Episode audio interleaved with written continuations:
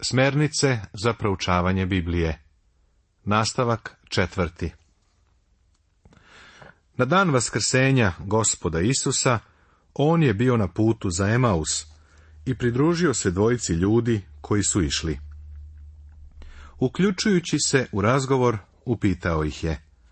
Kakvi su to razgovori, što ih usput vodite među sobom? I zastadoše, gledajući tužno odgovori jedan po imenu Kleopa i reče mu, jesi li ti jedini stranac u Jerusalimu koji nije saznao šta se u njemu dogodilo ovih dana? I reče im, šta? A oni mu rekoše, ono s Isusom Nazarećaninom, koji je bio prorok silan na delu i u reči pred Bogom i svim narodom, kako su ga naši prvosveštenici i starešine predali na smrtnu kaznu i raspeli ga. Ovo je zapisano u Evanđelju po Luci u 24. poglavlju Svetoga pisma Novog Zaveta. Kao što se sećaš, Isus je ovo predvideo. Zanimljivo je vidjeti da je pisano proroštvo to govorilo godinama. Oni su zatim izrazili svoju nadu. A mi smo se nadali da je on taj koji će izbaviti Izraelja. I pri svem tom danas je treći dan kako se to dogodilo. Zapisano je u Evanđelju po Luci u 24. poglavlju. A zatim su nastavili da pričaju o onome što su znali i o čemu su žene izvestile. Neki od naših odoše do groba i nađaše tako kako su žene rekle, ali njega nisu vidjeli. Evanđelje po Luci, 24. poglavlje. Njihove nade su iščezle i tama je ušla u njihova srca. Sada saslušaj gospoda Isusa. O, kako ste nerazumni i spora srca, da verujete u sve što su proroci kazali. Zar nije trebalo da Hristos pretrpi to i da uđe u svoju slavu? Tada im razjasni šta je o njemu pisano u svem pismu, počevši od Mojsija i svih proroka. Zar ne bi voleo da si toga dana bio tamo i čuo kako se vraća na stari zavet i iznosi delove svetog pisma koji govore o njemu? I nakon što im se konačno otkrio, kada su sedeli i večerali, ovako su komentarisali. Nije li naše srce gorelo u nama, kad nam je govorio usput i tumačio nam pisma? piše u Evanđelju po Luci 24. poglavlju. Vidiš, proučavamo knjigu koja je drugačija od svih ostalih knjiga. Ja ne samo da verujem u nadahnuće Svetoga pisma, nego verujem da je ova knjiga za tebe zatvorena, osim ako ti duh sveti ne otvori srce i ne učini je stvarnom za tebe. Kada se Isus u to vreme vratio u Jerusalim, nastavio je da poučava svoje učenike. I reče im, to su moje reči koje sam izgovorio dok sam još bio sa vama, na ime da treba da se ispuni sve što je za mene napisano u Mojsijevom zakonu, prorocima i psalmima. Zapazi da je on verovao da je Mojsije napisao petoknjižje, verovao je da su proroci govorili o njemu, a i da psalmi ukazuju na njega. Sada dolazi značajan stih. Tada im otvori um da razumeju pisma. Prijatelju, ako on ne otvori tvoj um, ti ovo jednostavno nećeš razumeti. Ovo je razlog zbog koga ovoj knjizi treba da pristupimo poniznim umom, uprkos tome koliko je naš količnik inteligencije ili nivo obrazovanja. Vraćajući se opet na prvu poslanicu Korinčanima, svetoga pisma Novog Zaveta, apostol Pavle dalje govori ovako.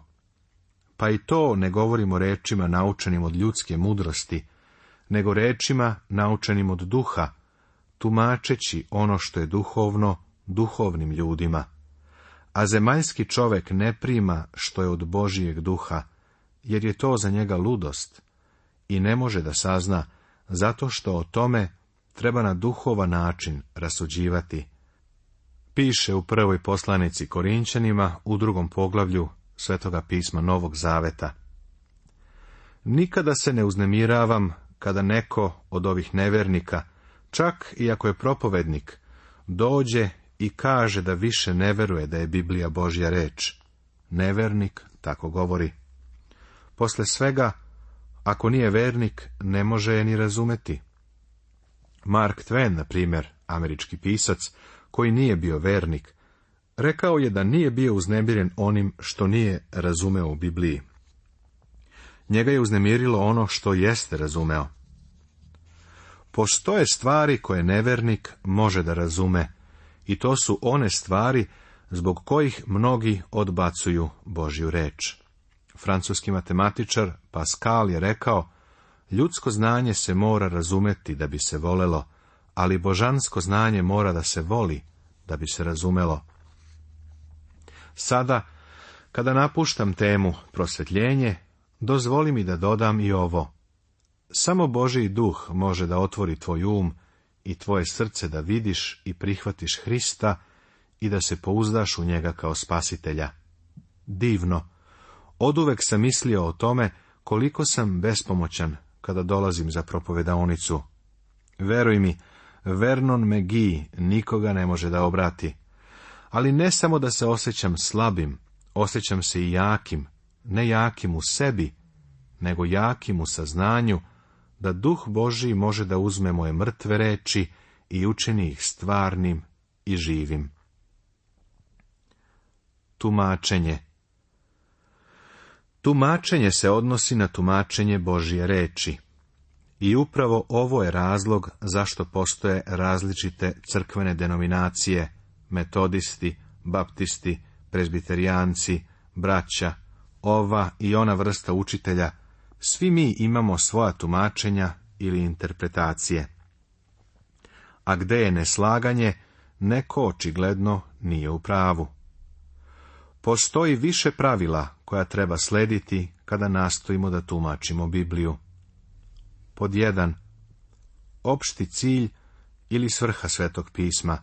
To je ono što prvo treba razmotriti. Baš zbog toga ja sve ovo i poučavam, jer verujem da sve ovo treba da imaš i znaš, pre nego što dođeš i do kakvog dogmatskog zaključka u vezi sa bilo kojim stihom iz pisma. Važno je da se uzmu u obzir svi stihovi koji se odnose na tu temu. 2. Kome je pismo upućeno? Ovo je sljedeća stvar koju treba razmotriti. Na primjer, nekada davno je Bog rekao Isusu Navinu, Ustani, pređi preko toga Jordana, kako je zapisano u knjizi Isuse Navina, u prvom poglavlju u Svetom pismu Staroga Zaveta. Kada sam bio u toj zemlji, prešao sam preko reke Jordan, ali nisam prešao da bih ispunio sveto pismo i nisam rekao, bar sam eto poslušao gospoda i prešao preko Jordana. Ne, kada čitam taj stih, znam da je gospod govorio Isusu Navinu, ali verujem da se u tome sadrži i veoma značajna lekcija za mene. Celokupno pismo nije upućeno meni, ali je celokupno sveto pismo za mene. Dobro je imati na umu ovo pravilo. 3. Treba razmotriti neposredan kontekst pre i posle određenog dela svetog pisma. O čemu odeljak govori? I koji se drugi odeljci iz pisma bave istom temom? Četiri. Otkri šta kaže original. Ako ne znaš grčki i jevrejski, možeš koristiti neke druge prevode koji su verni originalu. Iskreno govoreći, savremene prevode ne mogu da preporučim, iako u njima ima dobrih stvari. Ovo smatram zato što smo doktrinarno vrlo podeljeni. Svaka grupa koja pokušava da prevede sveto pismo, jednostavno prirodnim putem u prevodu bacuje svoje određene tačke gledišta. Prema tome, ako liberalni hrišćanin namerava da prevede Bibliju, možda ćeš okusiti liberalizam. Ako fundamentalista namerava da je prevede, steći ćeš opet njegov stav u određenim mestima. Međutim, ljudi koji su stvorili originalni engleski prevod jesu bili ljudi koji su verovali da je Biblija Božja reč, pa su se u skladu sa tim i upravljali. Kada su se pojavljivale reči koje nije bilo moguće prevesti, oni su ih jednostavno prepisivali. Na primjer, ava, što znači oče, ili baptizo, što znači podroniti. Opasnost modernih prevoda je u tome što se obavljaju uz dogmatsko podešavanje Prevodilac uzima nešto iz jednog jezika i stavlja ga u drugi jezik koristići uporedne termine, istovetne ako je moguće. Većina savremenih prevodilaca nastoji da uđe i služi se savremenim govorom. A opet čineći to, gube i propuštaju ono što govori original. Ja lično se držim starinskog prevoda. Smatram da su noviji prevodi načinili ogroman korak napred u pravljenju razlika i u isticanju pojedinih delova, kao i u ispravkama koje je trebalo načiniti u staroj verziji. Ja poznajem put kroz Bibliju, a stari zviđač će pratiti staru stazu. Međutim, važno je truditi se da se odrede i utvrde tačne reči iz originala. Peto doslovno tumači Bibliju. Preminuli doktor David Cooper je to vrlo dobro izrazio. Kada je jasan, očigledan smisao pisma zdravorazumski, ne traži nikakav drugi smisao. Zato svaku reč uzmi u njenom osnovnom, prvobitnom, uobičajenom, običnom, doslovnom značenju. Ukoliko činjenice neposrednog konteksta proučena u svetlu srodnih odeljaka i neoborivih i osnovnih istina, jasno ne ukazuju na nešto drugo. Smernice Otvori oči moje, da bih video čudesa zakona tvojega, kaže se u psalmu Davidovom 119. stihu. Postoje određene smernice koje svako od nas treba da koristi u veži sa Božjom rečju. Garantujem da će ako budeš sledio ove smjernice, blagoslov doći na tvoj život i dušu. Sigurno da treba da postoje uputstva u proučavanju svetog pisma. Danas flašica nekog leka, bez obzira koliko jednostavnog, ima uputstvo za upotrebu. I svaka druga mala naprava koju kupiš u prodavnici jeftine robe ima uputstvo za upotrebu. Ako je tako u stvarima ovoga sveta, onda sigurno sve važeća Božja reč treba da ima uputstvo i smernice za njeno proučavanje. Želeo bih da spomenem sedam veoma jednostavnih, ali osnovnih, uvodnih koraka koji će biti vodič za proučavanje Božje reči. Pod jedan, započni molitvom. Pod dva, čitaj sveto pismo. Pod tri, proučavaj sveto pismo. Pod četiri, razmišljaj o svetom pismu. Pod pet, čitaj ono što su drugi napisali o svetom pismu. Pod šest, budi poslušan svetom pismu. I pod sedam, prenesi to drugima. Možda nešto želiš da dodaš ovome, ali ova lista je osnovna i glavna. Neko je to veoma sažeto i ubedljivo rekao. Biblija upoznaje glavom, sačuva je u srcu, ispolje je u životu, poseje u svetu. Evo još jednog načina da se iskažu stvari koje ćemo ovdje iznositi. Pod jedan. Započni molitvom.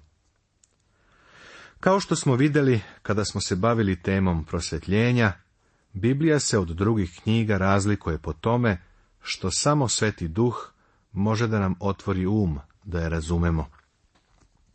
Možeš se latiti filozofske knjige, a ako ju je čovek napisao, a jeste, čovek može i da je shvati.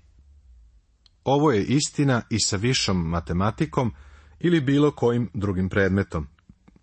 Ne postoji knjiga koju je čovek ikada napisao, a koju drugi čovek ne može da shvati.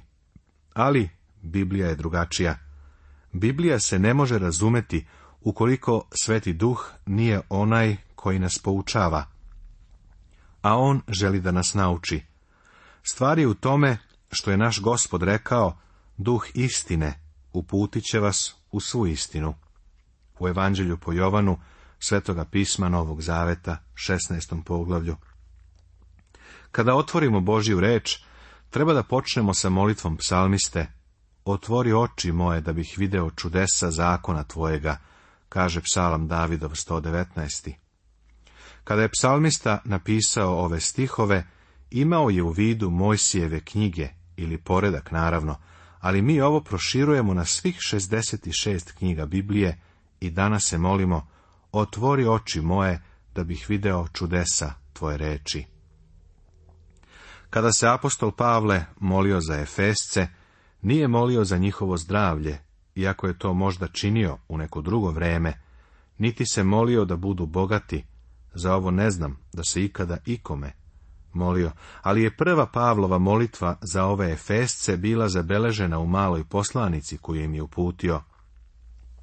Zato i ja, čuvši za vašu veru koju imate u gospodu Isusu i za vašu ljubav prema svim svetima, neprestano zahvaljujem za vas, spominjući vas u svojim molitvama. Ovako piše u poslanici Efesima Svetoga pisma Novog Zaveta. Zašto se to apostol Pavle molio? Evo, da Bog gospoda našega Isusa Hrista, Otac slave, dade vama duha mudrosti i otkrivenja, da ga poznate, prosvećene oči vašeg srca, da znate kakva je nada na koju vas je pozvao, kakvo je bogatstvo njegovog slavnog nasledstva među svetima.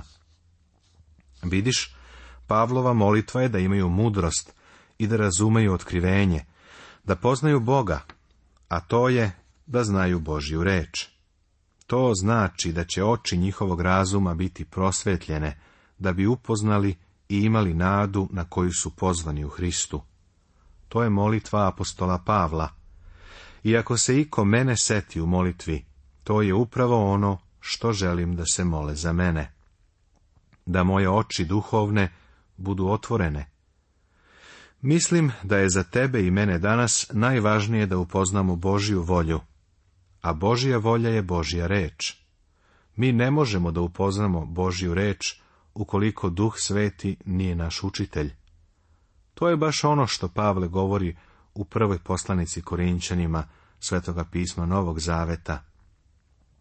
Mi pak nismo primili duha ovoga sveta, nego duha koji je od Boga, da znamo šta nam je Bog darovao. Pa i to ne govorimo rečima naučenim od ljudske mudrosti, nego rečima naučenim od duha, tumačeći ono što je duhovno duhovnim ljudima. A zemaljski čovek ne prima što je od Božijeg duha, jer je to za njega ludost i ne može da sazna, zato što o tome treba na duhovan način rasuđivati. Razlog zbog koga danas mnogi iz Biblije ništa ne dobijaju, jeste jednostavno to što ne dopuštaju da ih duh sveti pouči. Vidiš, reč Božija se razlikuje od svih ostalih knjiga po tome što običan čovjek ne može da prihvati ovakve stvari. Za njega su one ludost. Bog nam je dao duha da bismo upoznali i saznali ono što nam Bog besplatno daje. Samo On je naš učitelj. Samo On može uzeti Božju reč i učiniti je stvarnom i živom za nas. Zapazi ovaj vrlo interesantan stih iz pisma jer ko od ljudi zna šta je u čoveku, sem čovekovog duha koji je u njemu? Tako isto niko, sem duha Božijeg, ne zna šta je u Bogu. Na vrlo sažet i razumljiv način ovo nam daje razlog zbog kojeg duh sveti mora da bude naš učitelj. Ti i ja se međusobno razumemo, ali ne razumemo Boga. Mislim da je potpuna besmislica govoriti o jazu među generacijama preko kojeg ne možemo da komuniciramo. Iako je od istina da je starijoj osobi teško da se u potpunosti slaže sa mlađom osobom, ipak možemo međusobno da komuniciramo, jer smo svi ljudska bića. Razumemo se. Ali, iskreno govoreći, ja ne razumem Boga, ukoliko mi se On ne otkrije. Nekada sam se čudio kako bi se on osjećao na pogrebu. Vidim da je gospod Isus kod Lazarevog groba plakao. Znam kako se on danas osjeća. Znam šta misli i kako se osjeća u vezi sa mnogim stvarima, jer mi je to duh Božiji kroz Božju reč otkrio. Nastavit će se.